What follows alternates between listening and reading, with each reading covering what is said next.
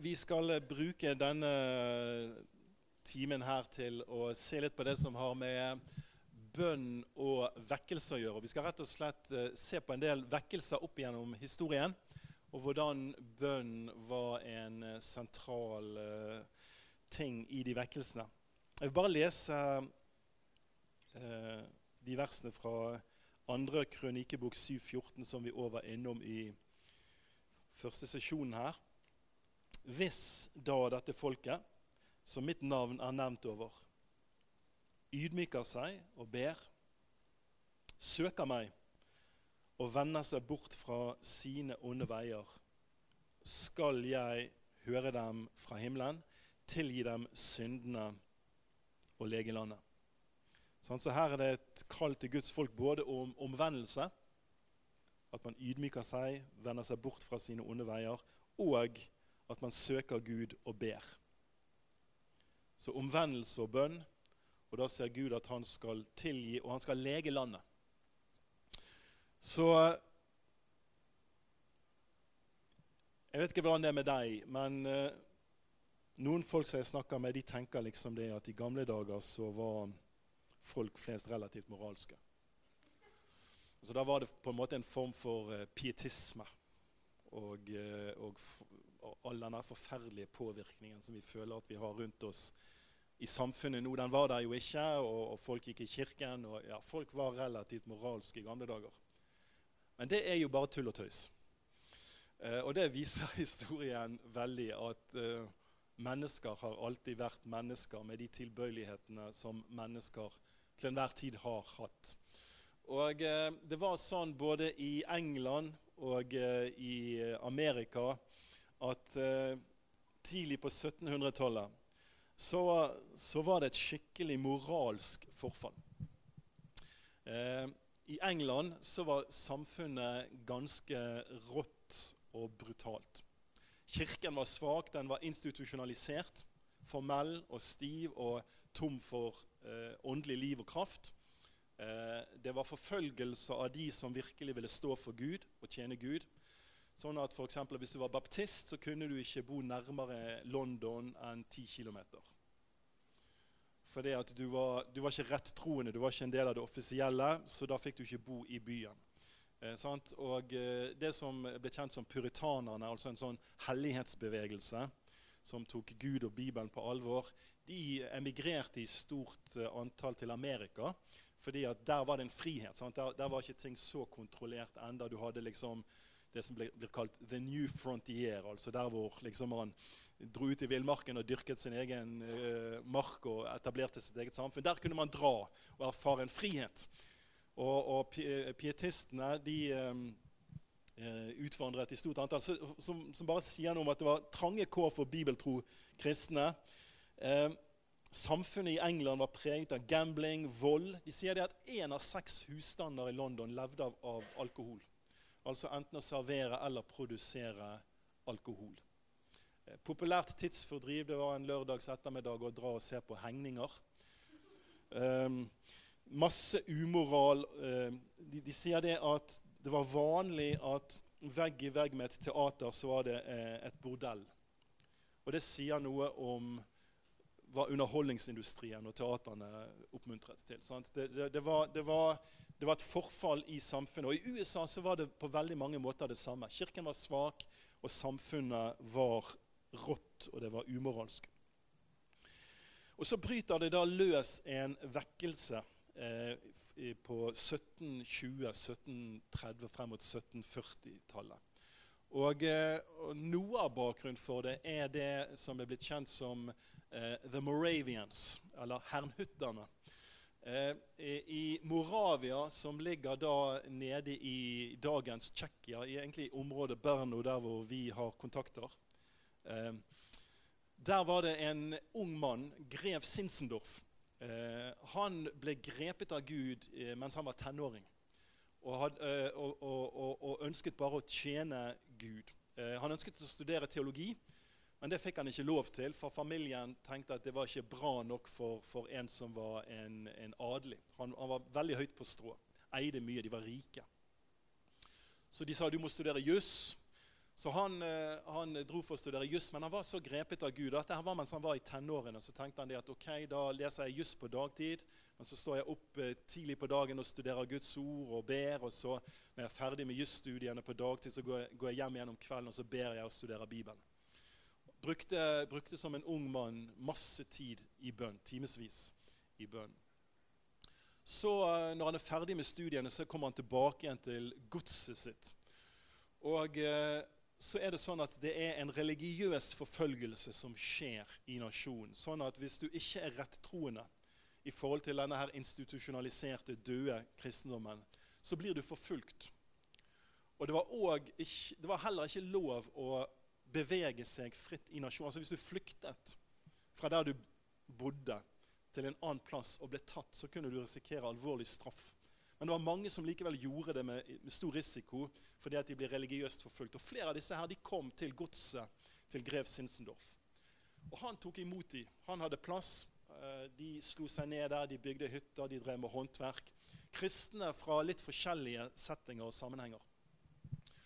Og Til å begynne med så var det mye stridigheter internt. Det, det, det, var konflikter, det var teologiske uenigheter og det var gnisninger. Men så skjer det noe fantastisk, og det er at Den hellige ånd faller over denne gjengen. Og, og det er på en måte en dåp i Den hellige ånd og en dåp i kjærlighet og en dåp i enhet som gjør at disse hjertene blir smeltet sammen i Gud. Hvor, hvor, hvor, hvor, det blir forvandlet fra å være konflikt til å bli et samfunn som jobber sammen for Gud, der de, der de elsker hverandre, der de ber. Og ut ifra dette så starter de et bønnemøte som går 24 timer i døgnet, syv dager i uken, og som varer i 100 år. Så, som, som, som ja, var, var, var, helt fantastisk. Og ut ifra denne eh, bønnebevegelsen som skjer der på dette godset til grev Sinsendorf, så oppstår det et misjonsengasjement. Så de sier at det er på mange måter starten på den moderne misjonsbevegelsen. det som skjer der, Hvor de får en nød for at folk rundt omkring som ikke har hørt evangeliet, må få høre evangeliet. Og de sender ut eh, flere hundre misjonærer fra denne plassen hvor det, denne bønnebevegelsen skjer. Et eksempel på det er at grev Sinsendorf var besøkte kongen av Danmark.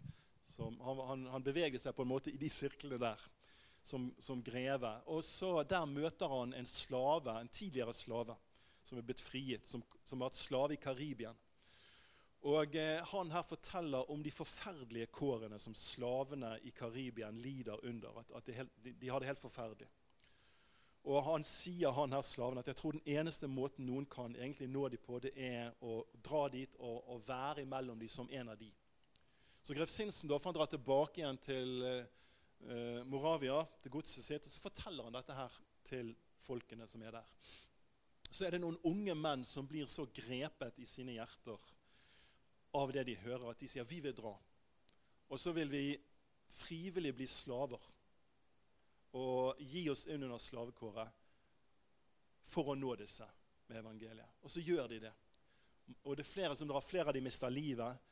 Men, men de, det, også, eh, det, blir òg et skikkelig gjennombrudd for evangeliet eh, blant de som er slaver der. Sant? Fordi noen drar, er villige til å betale den prisen og dra for å forkynne evangeliet. Det er bare ett eksempel på mange som, mange som ofret livet sitt rett og slett, eh, i fysisk forstand, men òg bare la ned livet sitt fordi det var en inderlig nød for sjeler.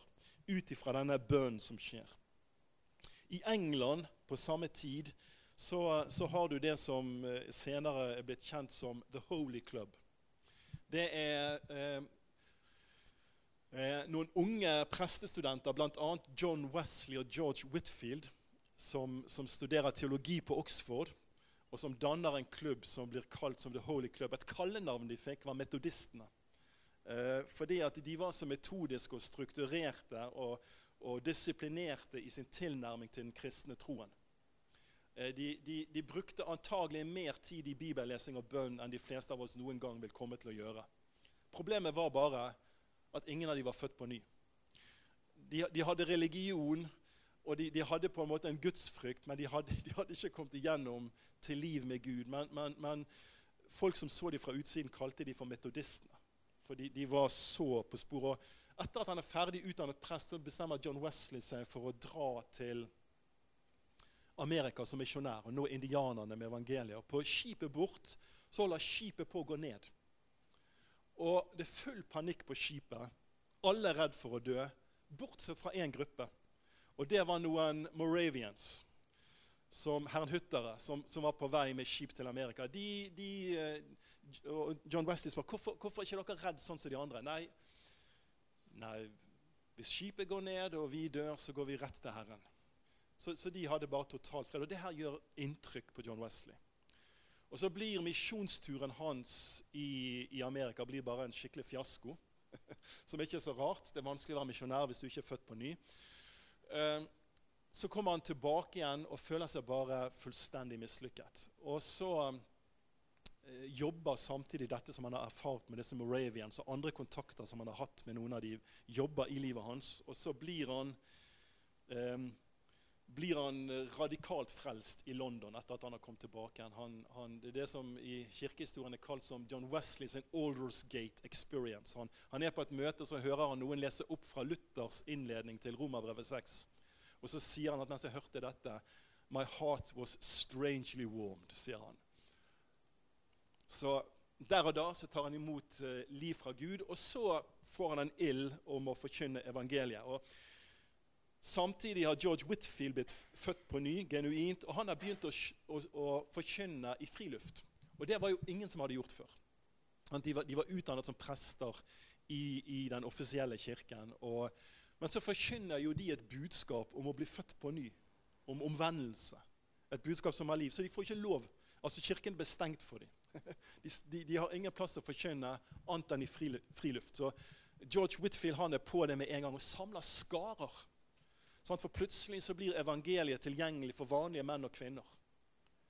Og, de som ja, lever i dette rå, brutale, harde samfunnet. Men de, det er et eller annet her som vekker de, så i tusentalls kommer.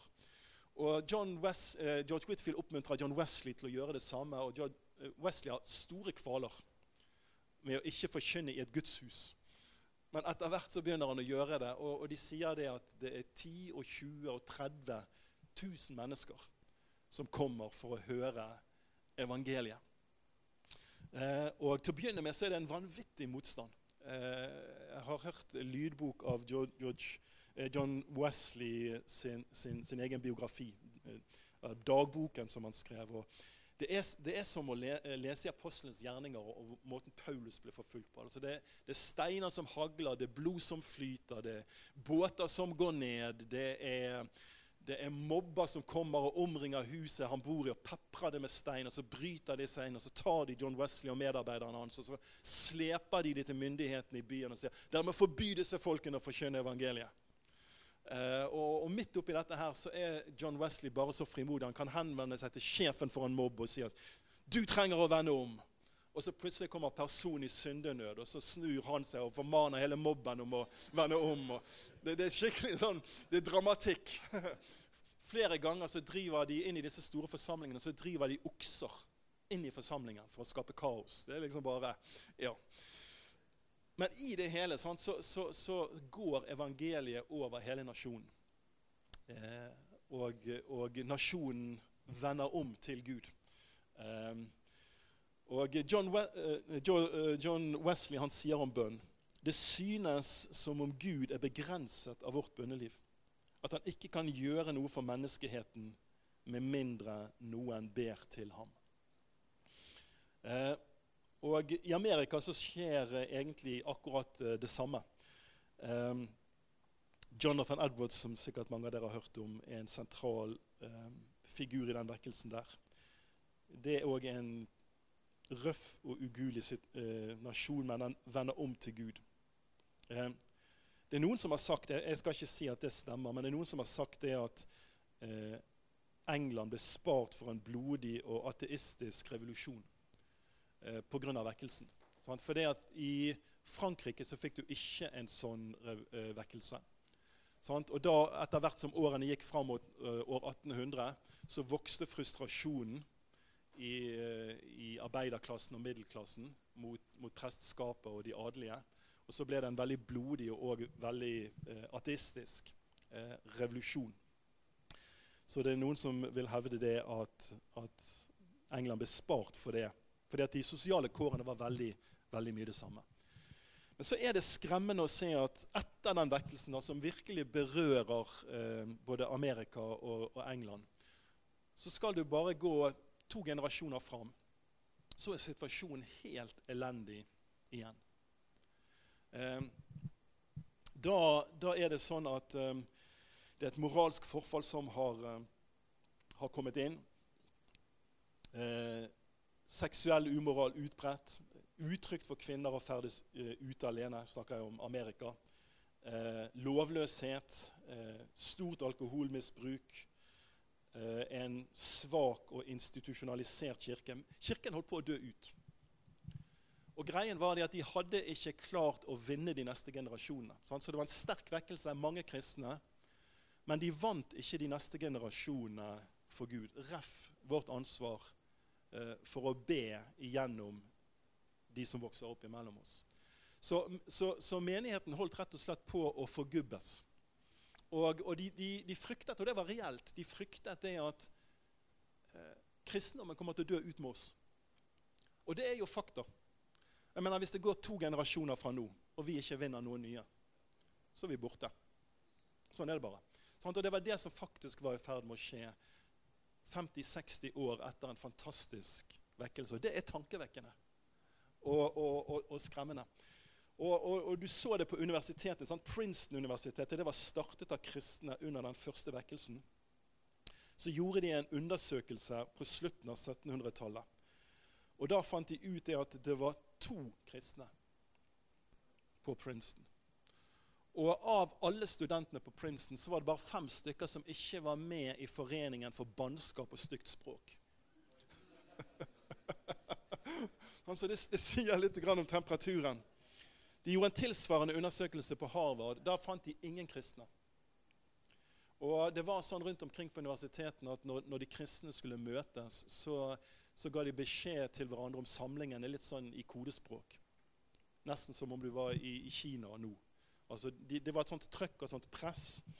Og eh, noe av problemet var det at den, i, i, i, den franske revolusjonen og i det som skjedde der, så sendte de penger til Amerika for, for at de unge skulle bli opplyst.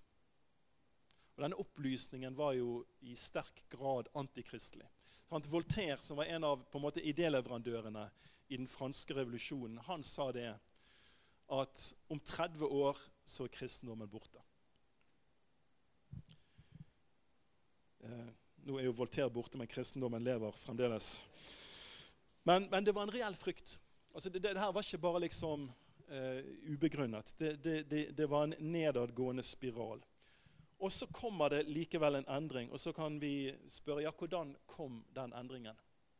Og igjen så var det en bønnebevegelse eh, som, som, skapte forandring. Jonathan Edwards, som eh, da levde under den første vekkelsen, han skrev et hefte eh, som eh, hadde, har følgende tittel Et ydmyk forsøk på å fremme eksplisitt enighet og synlig enhet blant alt Guds folk i ekstraordinær bønn for religiøs vekkelse og utbredelse av Kristi rike, i henhold til løfter fra Skriften og profeter om den siste tid.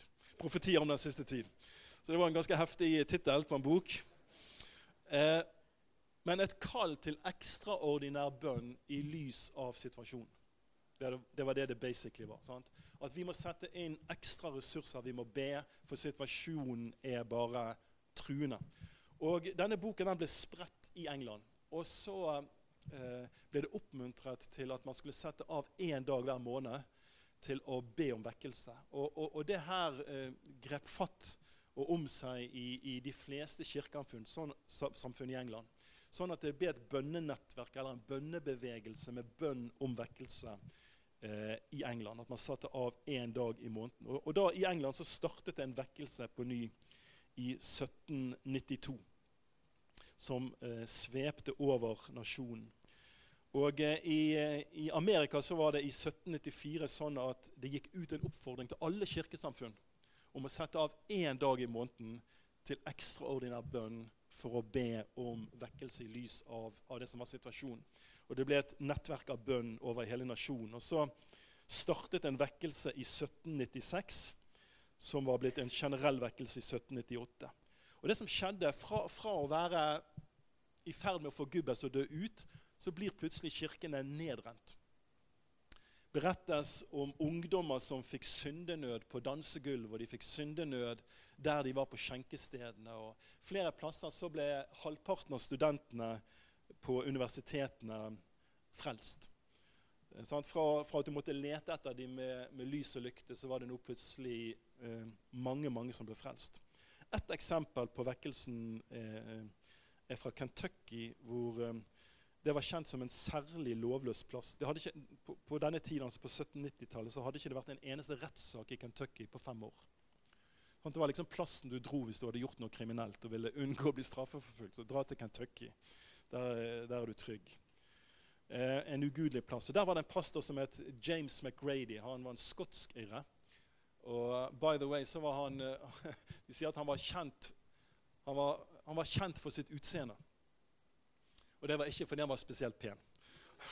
så, så, så, så, folk tenkte at hvis, hvis han, han, forkynner ord, og folk strømmer til for å høre på han, så må han virkelig ha noe å si. og Han var pastor for tre små menigheter. Eh, og han, eh, han eh, ba etter hvert menighetene om å be for han.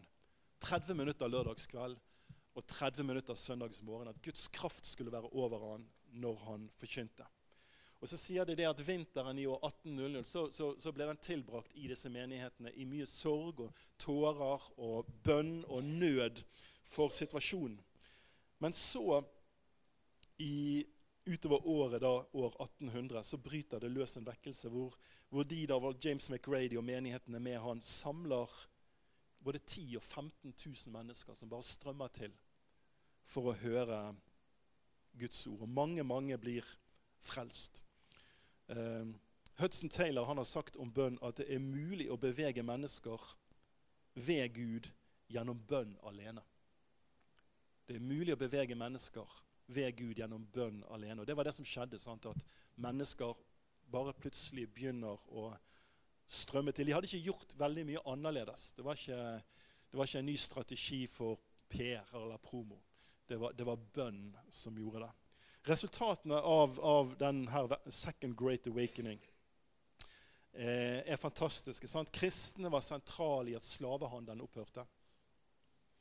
Eh, allmennskole. Skole hadde vært for de rike, men nå blir det allmennskole. Og kristne var helt sentrale i det. Eh, Bibelen blir allment tilgjengelig for, for folk flest. Eh, de første misjonsselskapene eh, blir startet. Så eh, begge disse vekkelsene blir, blir det først, eh, og Second Great Awakening skjer i eh, et bønneengasjement i, i, Guds folk. La meg raskt fortelle om en vekkelse til.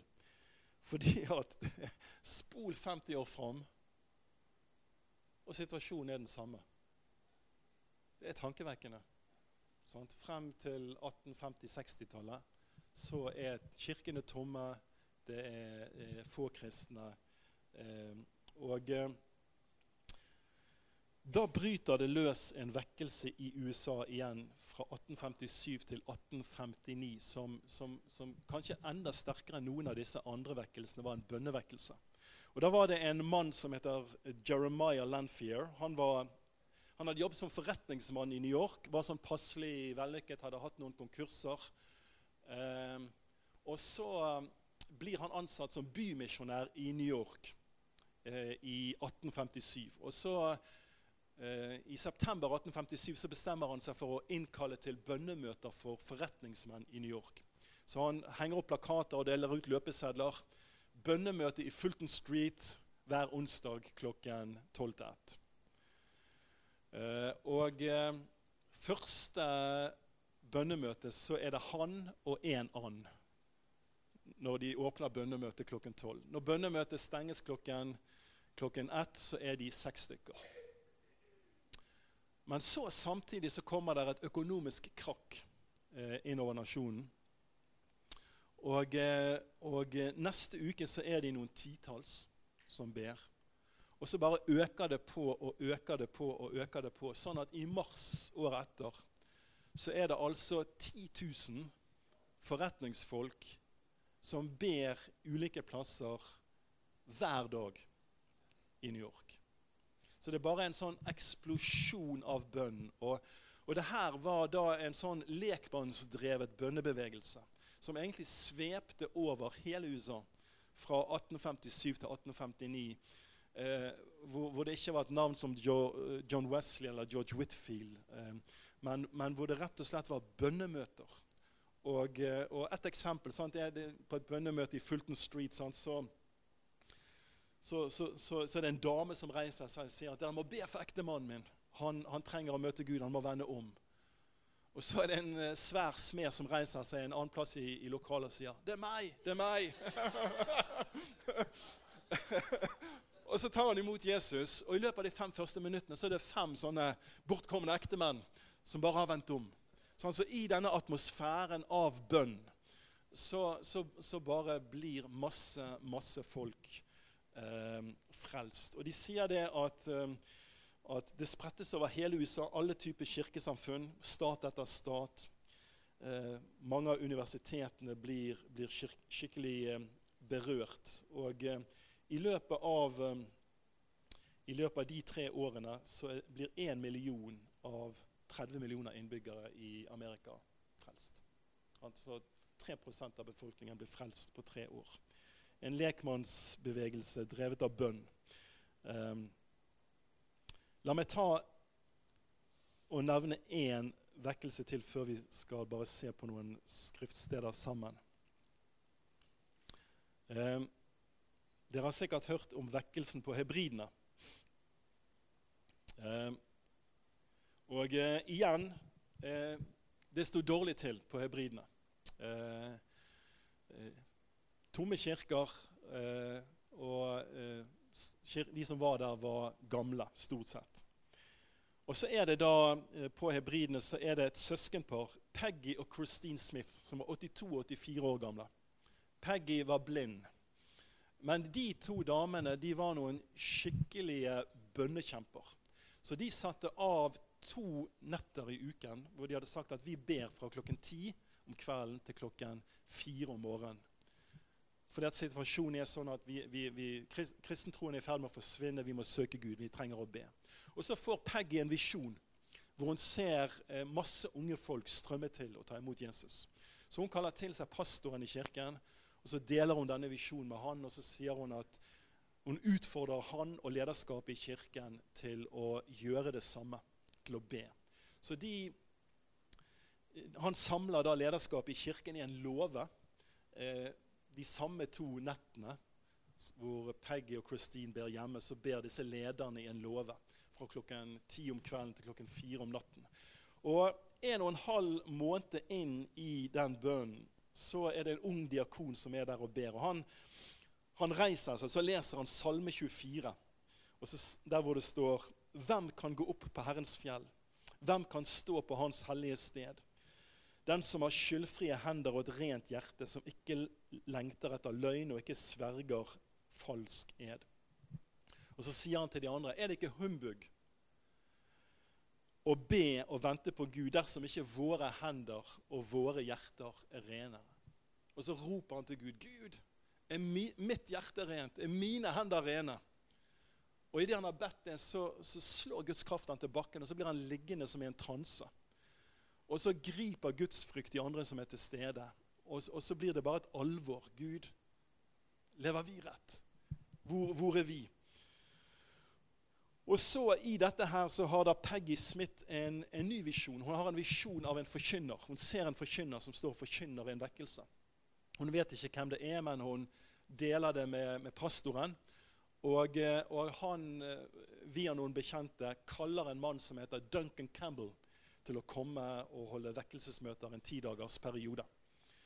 Og eh, Han sier det at eh, han er opptatt i en konferanse, akkurat, men han sier det at 'jeg kan komme neste år'. Og Pastoren går tilbake igjen og sier dette til Peggy, og Peggy sier at ja, det er det mennesker sier. men Gud sier noe annet. Eh, han kommer til å være her i løpet av ti dager. Eh, og det er det som skjer, selvsagt. Eh, så han kommer da til, han kommer da til hebridene. og Han har reist med, med tog og buss og, og båt. Han til Hebridene er en øy, så han kommer ut på Hebridene. og Pastoren i menigheten møter Duncan Campbell, og Duncan Campbell sier at det første pastoren sier til meg, er Han ser på meg og sier han, 'Lever du med Herren?' Og med en gang så skjønner Duncan Campbell at her er det folk som frykter Gud og mener alvor. Og så sier de vi vet du har reist en lang dag, vi vet du er sliten, du, vi, du skal snart få komme i seng og få noe mat og komme i seng, og så begynner vi eh, kampanjen i morgen. Men kan du bare bli med og møte menigheten og si noen få ord?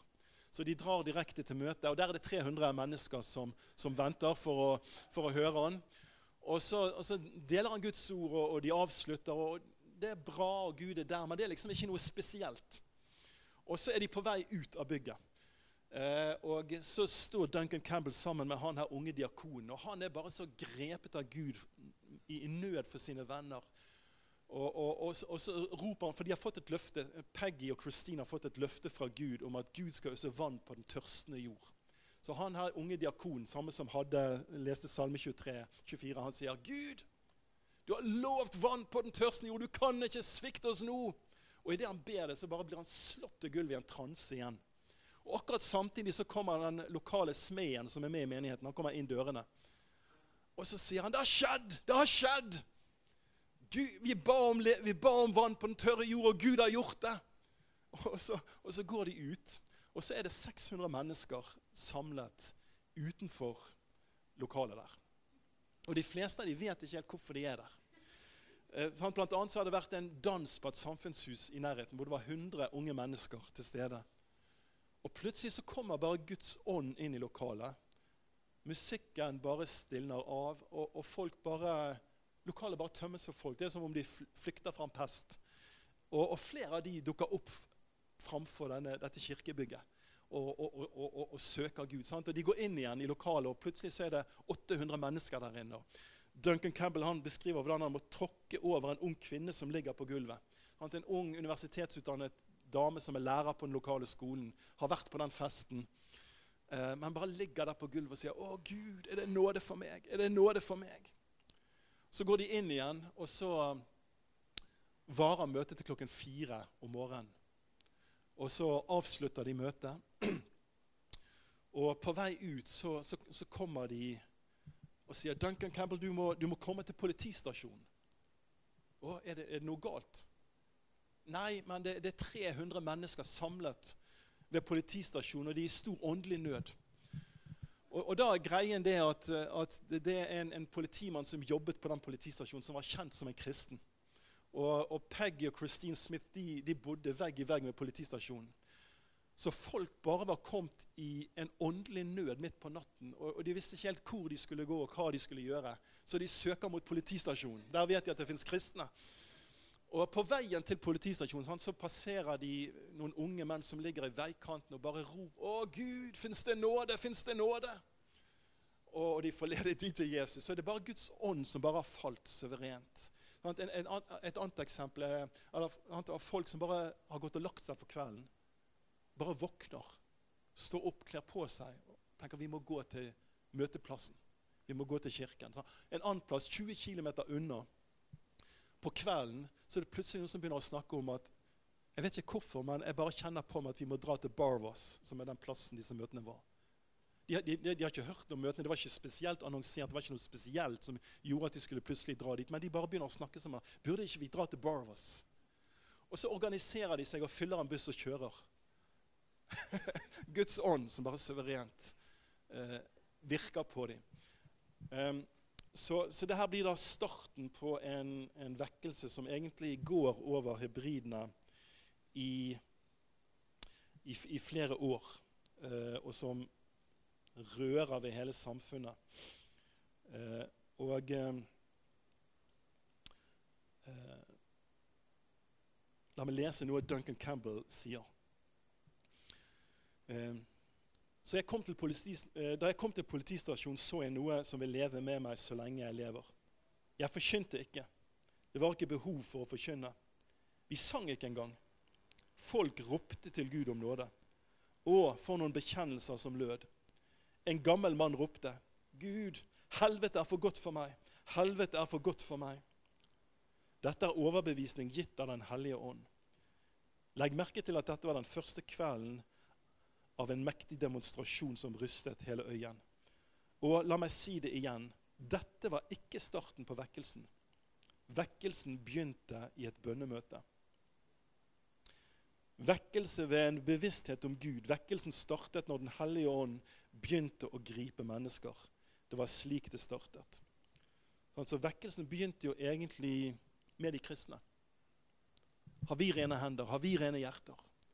Og, og det å gå inn i bønn, ekstraordinær bønn, bønn om natten, bønn og faste og, og, han gjør det veldig klart. Bønnemøtet startet ikke når folk begynte å vende om. Bønne, eh, vekkelsen startet ikke når folk begynte å vende om. Den startet eh, gjennom bønn.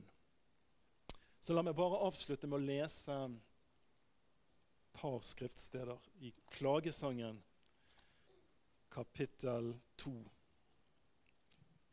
og vers 18 og 19. Hjertet roper til Herren. La tårene renne som bekker, du mur rundt datter Sion, både dag og natt. Unn deg ikke hvile, la ikke øyet få ro.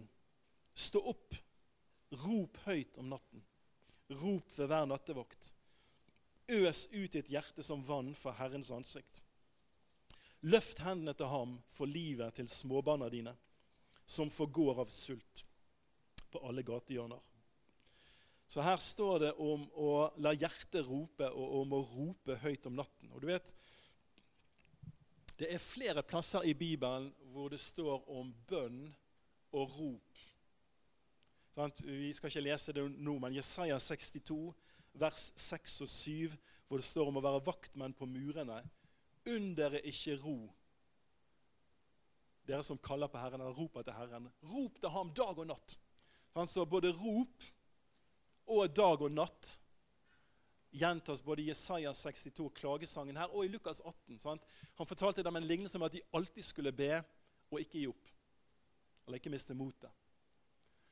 Eh, og Så forteller han denne historien om den urettferdige dommeren og, og, enken som kommer og sier 'gi meg min rett'. Så gjør han det, og så sier Jesus, 'Hør hva denne urettferdige dommeren sier'. Skulle så ikke Gud gi sine utvalgte deres rett, de som roper til ham dag og natt. Roper til ham dag og natt. Nå er det jo ikke sånn at Gud er tunghørt. Og det er heller ikke sånn at Gud hører bønn bedre om natten enn om dagen. Men jeg tror at når Bibelen snakker om å rope, og når Bibelen snakker om dag og natt, så er det et uttrykk for en, en, en intens lengsel i hjertet. Det, det, er uttrykk for at det er noe i deg som driver deg. Det er, jeg vet, Husker dere denne melkereklamen 'Må ha det, bare må ha det'? Ja, Noen av dere husker den. sant? Du, bare, du, du må ha vekkelse. Du, kan ikke, du, kan ikke, være likegyldig til det, men, men, det er noe i deg som får deg til å rope. Det er noe i deg som får deg til å si at Gud, vi trenger at du rører ved byen vår, ved landet vårt. Vi trenger at du sender vekkelse som gjør at du er villig til å sette til, til side nattesøvn eller andre typer for komfort. Sant? Vi leste denne lange boktittelen sant, som handlet om ekstraordinær bønn. Sant? Ekstraordinær bønn er jo når du setter til side noe som du vanligvis vil unne deg fordi hjertet ditt er grepet av en nød. Sant? Og du tar natten til bruk hvis du ikke har tid ellers. Og du roper fordi det er en nød i hjertet ditt. Sant? Og det er, det er det Guds ord kaller oss til. Og det er det situasjonen krevde i de vekkelsene vi har lest om her. At situasjonen tilsier en nød i hjertene våre. Og, eh, så himmelske Far, vi bare kommer fram for deg nå. Og far, vi ber om at du skal eh, få bruke oss som redskaper i bønn til at du kan eh, igjen besøke denne nasjonen.